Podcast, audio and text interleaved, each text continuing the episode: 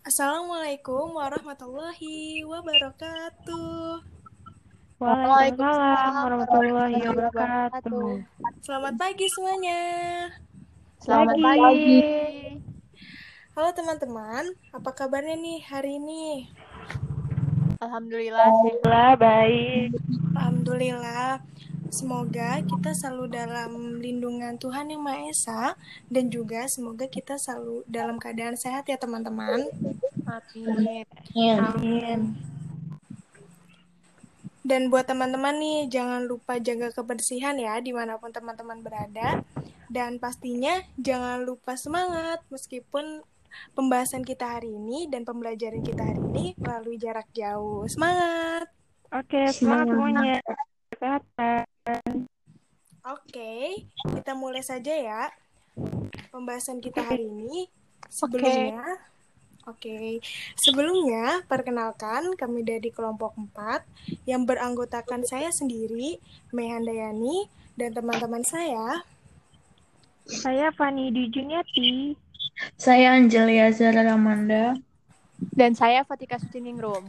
Oke, jadi kita hari ini akan membahas mengenai konsep diri dalam komunikasi human relation dalam mata kuliah interpersonal employee relation. Oke, semoga pembahasan kita hari ini bisa bermanfaat ya buat teman-teman. Amin. Dan juga bisa menambah pengetahuan teman-teman semuanya. Jadi buat teman-teman nih uh, semuanya diharap oke. Okay. Jadi buat teman-teman semuanya diharapkan bisa mendengarkan dengan baik ya. Oke. Okay. Oke. Okay. Yang pertama, kita akan membahas mengenai latar belakang dari konsep diri dalam komunikasi human relation. Di sini ada yang tahu tidak uh, latar belakang dari konsep diri dalam komunikasi human relation? Uh, Oke, okay, Fani. Oke, okay. Uh, seperti yang kita tahu nih, manusia itu adalah makhluk sosial kan? Oke, okay. ya, betul banget Dan tuh. salah satu indikasi bahwa makhluk manusia adalah makhluk sosial itu adalah berkomunikasi.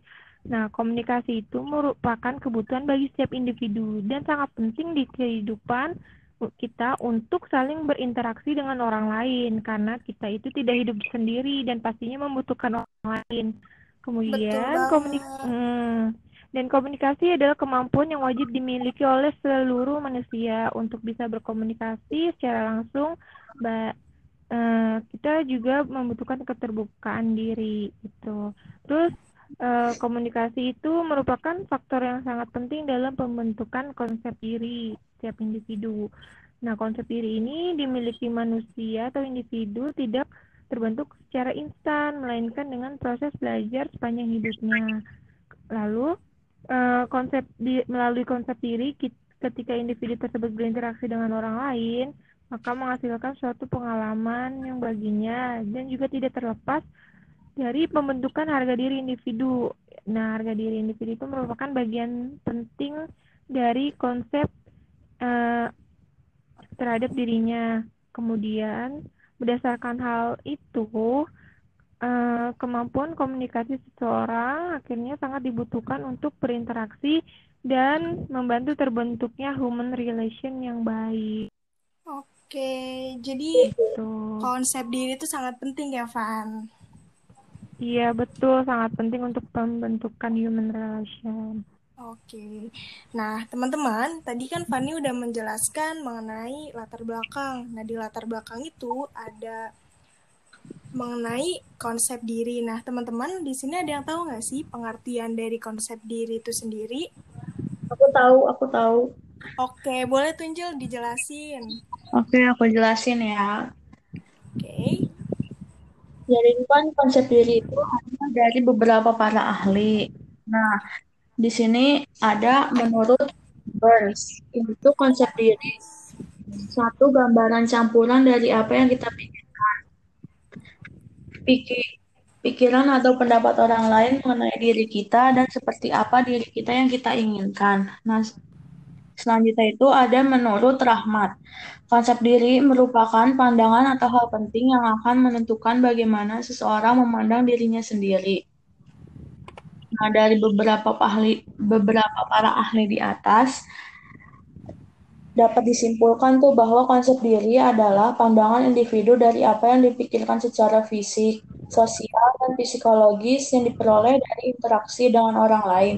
Dan bagaimana cara mereka memandang diri mereka sendiri. Gitu guys, paham nggak? Paham. Jadi Oh, konsep gitu. diri Paham, itu paham. pandang oke. Jadi konsep diri itu pandangan diri Angel. Iya, betul Oke, sekali. Oh, selanjutnya Angel, tapi aku boleh mau na- boleh nanya nggak, Angel? Apa tuh? Mengenai mengenai konsep diri tadi, apa sih ciri-ciri dan faktor-faktor yang mempengaruhinya? Nah, di sini tuh ada ciri yang negatif dan ciri-ciri yang positif. Nah, ciri-ciri negatifnya itu yaitu yang pertama peka terhadap kritik, yaitu orang yang mempunyai konsep diri negatif sangat tidak tahan dengan kritikan yang diterimanya dan mudah marah. Yang kedua itu ada responsif terhadap pujian. Individu ini mungkin berpura-pura menghindari pujian, namun tidak dapat menyembunyikan antusiasmenya pada menerima pujian pujiannya. Yang ketiga ada mer- merasa tidak disenangi orang lain. Individu ini memiliki rasa bahwa dirinya tidak diperhatikan. Oleh karena itu, individu ini bereaksi pada orang lain sebagai musuh, sehingga tidak dapat melahirkan kehangatan, keakraban, persahabatan. Nah, ciri-ciri yang positifnya itu kayak kecocokan di antara citra tubuh yang telah ada dan ideal yang dipegang oleh seorang individu, maka semakin besar kemungkinan individu tersebut akan menunjukkan secara umum perasaan harga diri yang tinggi. Begitu pula akan merasa positif tentang penampilannya. Nah, yang selanjutnya itu ada faktor-faktor. Faktor yang mempengaruhi pembentukan konsep diri seseorang.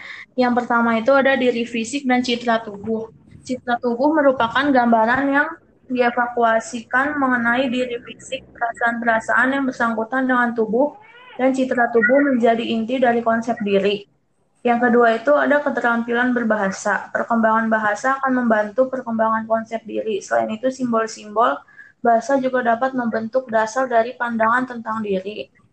Yang ketiga ada tanggapan dari orang-orang yang dihormati. Maksudnya itu konsep diri tidak hanya dipengaruhi oleh citra tubuh dan keterampilan berbahasa saja, melainkan konsep diri juga dapat dipengaruhi oleh tanggapan dari orang yang dihormati. Begitu, Fani. Oh, gitu. Oke, oke. Paham, Angel. Oke, terima kasih Oke. Angel Makasih Angel. buat jawaban yang sangat jelas.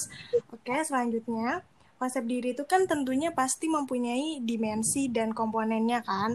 Nah, di sini ada yang tahu mengenai dimensi-dimensi dan komponen dalam konsep diri. Oke, eh, aku kebel- aku tahu nih. Boleh, Fani? Apa tuh boleh dijelasin? Boleh Oke. dijelaskan? Oke, jadi konsep diri itu mempunyai dua dimensi pokok. Pertama, dimensi internal dan dimensi eksternal.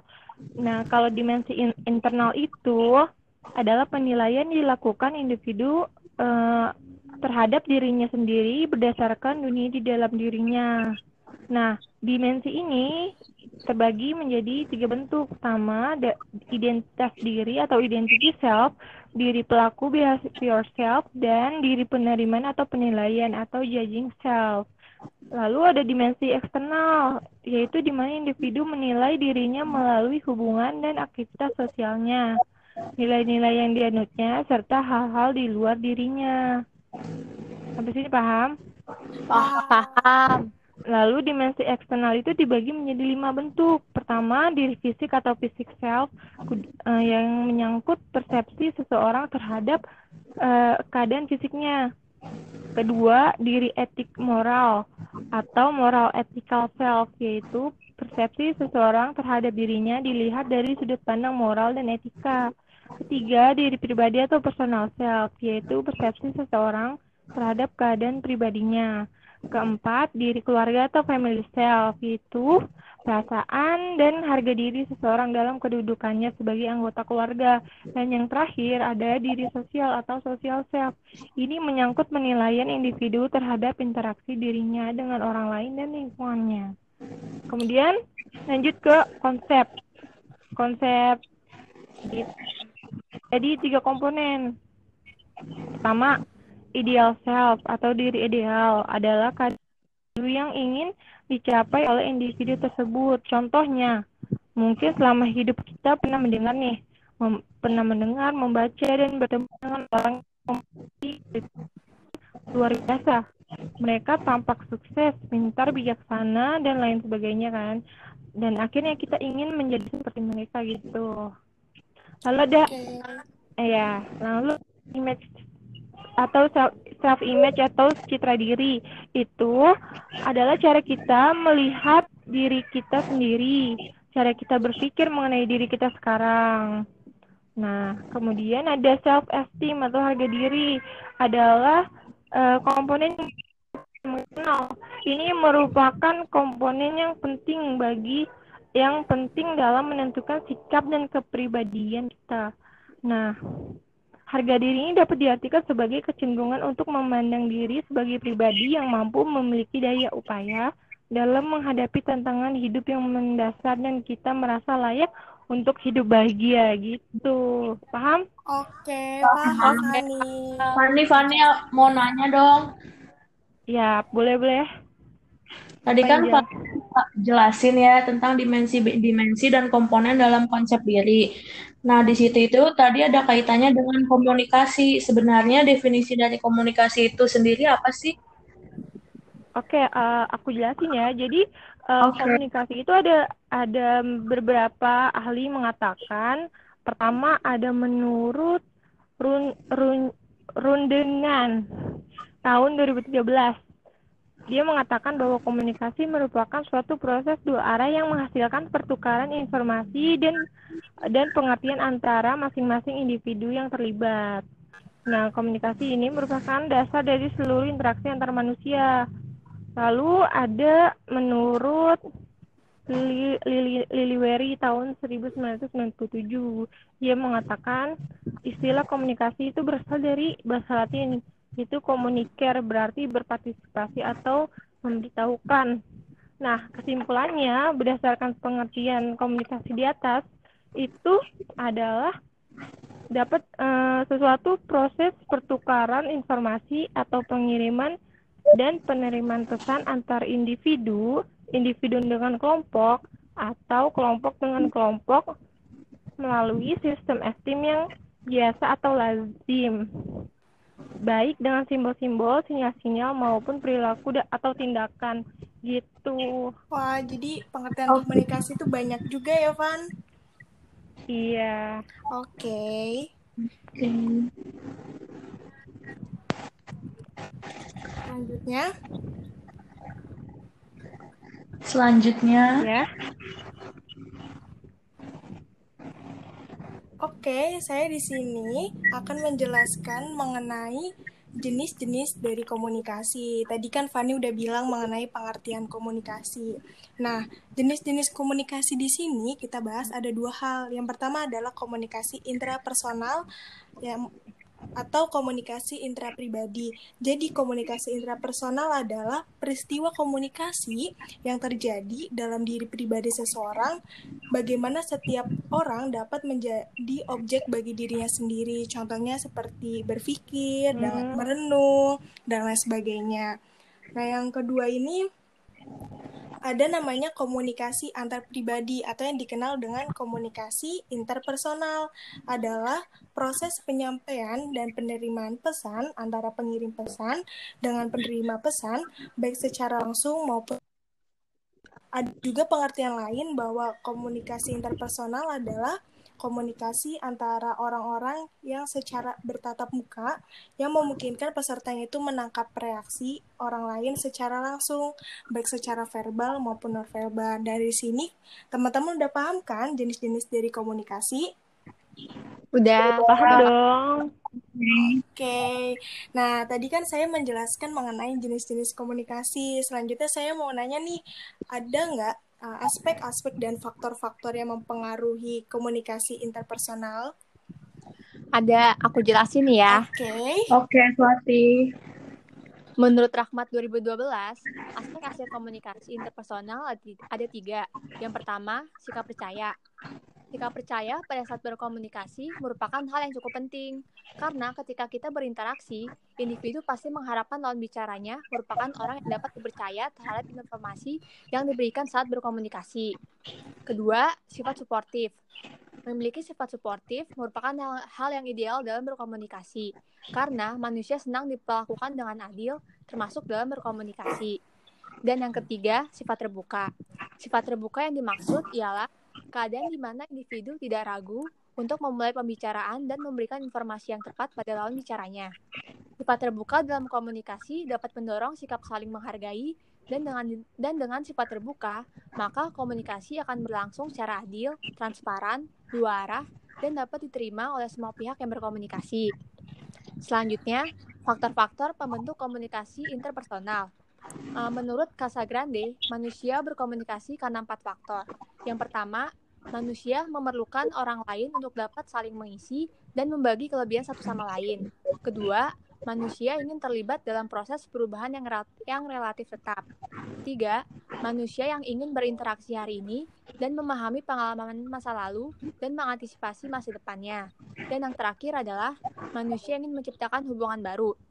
Jadi, setiap orang akan selalu berusaha untuk melengkapi kekurangan atas perbedaan-perbedaan yang dia miliki. Nah, perubahan tersebut terus berlangsung sering dengan perubahan yang perubahan masyarakat. Manusia mencatat berbagai pengalaman yang berhubungan dengan orang lain di masa lalu, memperkirakan apakah komunikasi yang dia lakukan masih relevan untuk memenuhi kebutuhan di masa yang akan datang. Sehingga, minat komunikasi didorong oleh pemenuhan kebutuhan yang belum atau bahkan tidak dimiliki oleh manusia itu sendiri.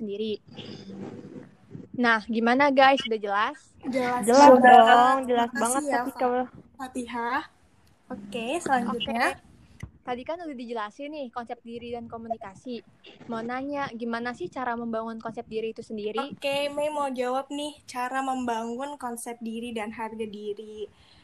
Oke. Oke, jadi konsep diri itu terbentuk.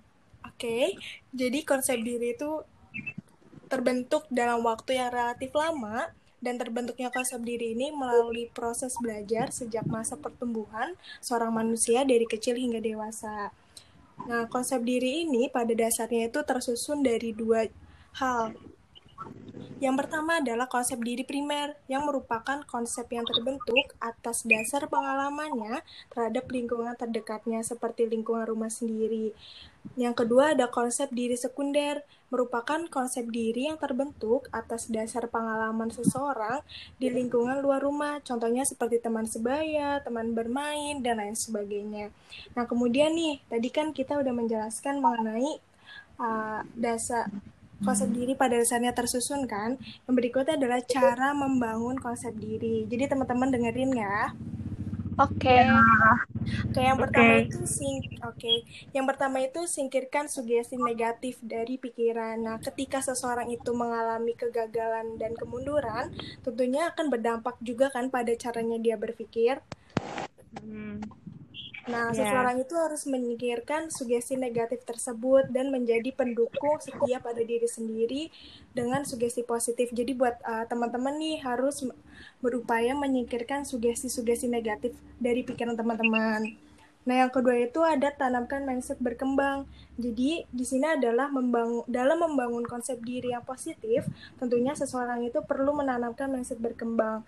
Seseorang akan terus mencoba belajar dan tumbuh dengan membuat koneksi baru apabila ia mengalami sesu- sesuatu kegagalan.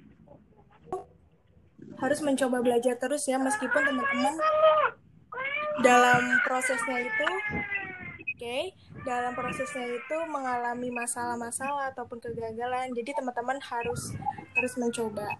Nah, yang berikutnya itu teman-teman harus belajar bersyukur. Jadi ketika seseorang itu berlatih untuk bersyukur, maka ia akan menjadi pandangan dirinya untuk mengingat kemampuan yang ia miliki tanpa membedakannya dengan yang lainnya. Jadi teman-teman harus belajar buat bersyukur di mana pun teman-teman berada. Paham teman-teman? Paham. Nah, yang berikutnya itu uh, gimana sih cara membangun harga diri? Nah, cara membangun harga diri ini nggak jauh beda dengan membangun konsep diri, karena harga diri ini termasuk komponen dari konsep diri itu sendiri. Yang pertama itu adalah berhenti membandingkan diri sendiri dengan orang lain. Jadi teman-teman nih uh, berhenti buat membandingkan pencapaian teman-teman dengan orang lain. Jadi orang yang selalu membandingkan pencapaiannya dengan orang lain dapat berpengaruh juga kan dalam caranya memandang dirinya. Oke, yang kedua oh, itu iya benar banget tuh. Uh, iya betul.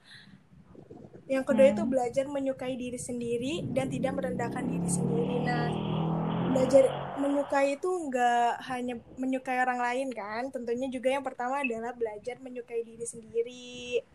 Jadi teman-teman itu belajar untuk mencintai diri teman-teman masing-masing.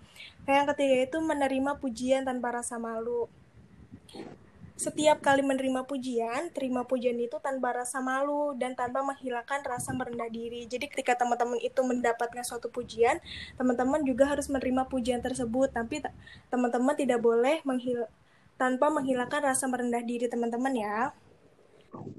Oke. Okay. Nah, yang terakhir itu adalah menetapkan tujuan yang realistis. Jadi dalam hidup kita ini, kita tuh perlu menetapkan suatu tujuan yang benar-benar realistis. Di mana menetapkan tujuan itu merupakan langkah penting dalam membangun harga diri. Dengan menetapkan dan mencapai tujuan, harga diri akan tumbuh secara otomatis. Jadi sampai sini teman-teman paham? Paham. Nah, selanjutnya nih, paham. tadi kan oke. Okay, Tadi kan saya membahas mengenai cara membangun konsep diri dan harga diri. Sebenarnya ada nggak sih hubungan konsep diri itu dengan komunikasi human relation? Ada, aku jelasin okay. ya. Silakan ketika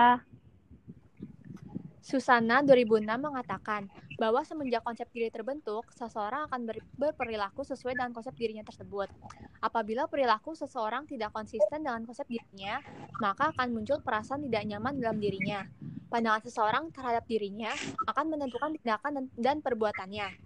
Hal ini berarti konsep diri seseorang dapat mempengaruhi tindakan dan perbuatannya, termasuk juga dalam komunikasinya. Keterampilan berbahasa juga merupakan salah satu faktor penentu seseorang dalam berkomunikasi agar seseorang dapat membentuk konsep diri dengan baik. Karena bahasa merupakan suatu komponen penting bagi kita untuk berkomunikasi agar komunikasi dapat berjalan dengan lancar. Nah, menurut Triswandi 2009, bahwa salah satu fungsi dari komunikasi interpersonal ialah untuk membangun konsep diri seseorang. Sedangkan Rahmat 2012 menyebutkan bahwa konsep diri merupakan salah satu faktor penting dalam kegiatan komunikasi interpersonal. Sehingga konsep diri manusia yang positif atau negatif akan menentukan baik dan tidaknya seseorang dalam berkomunikasi.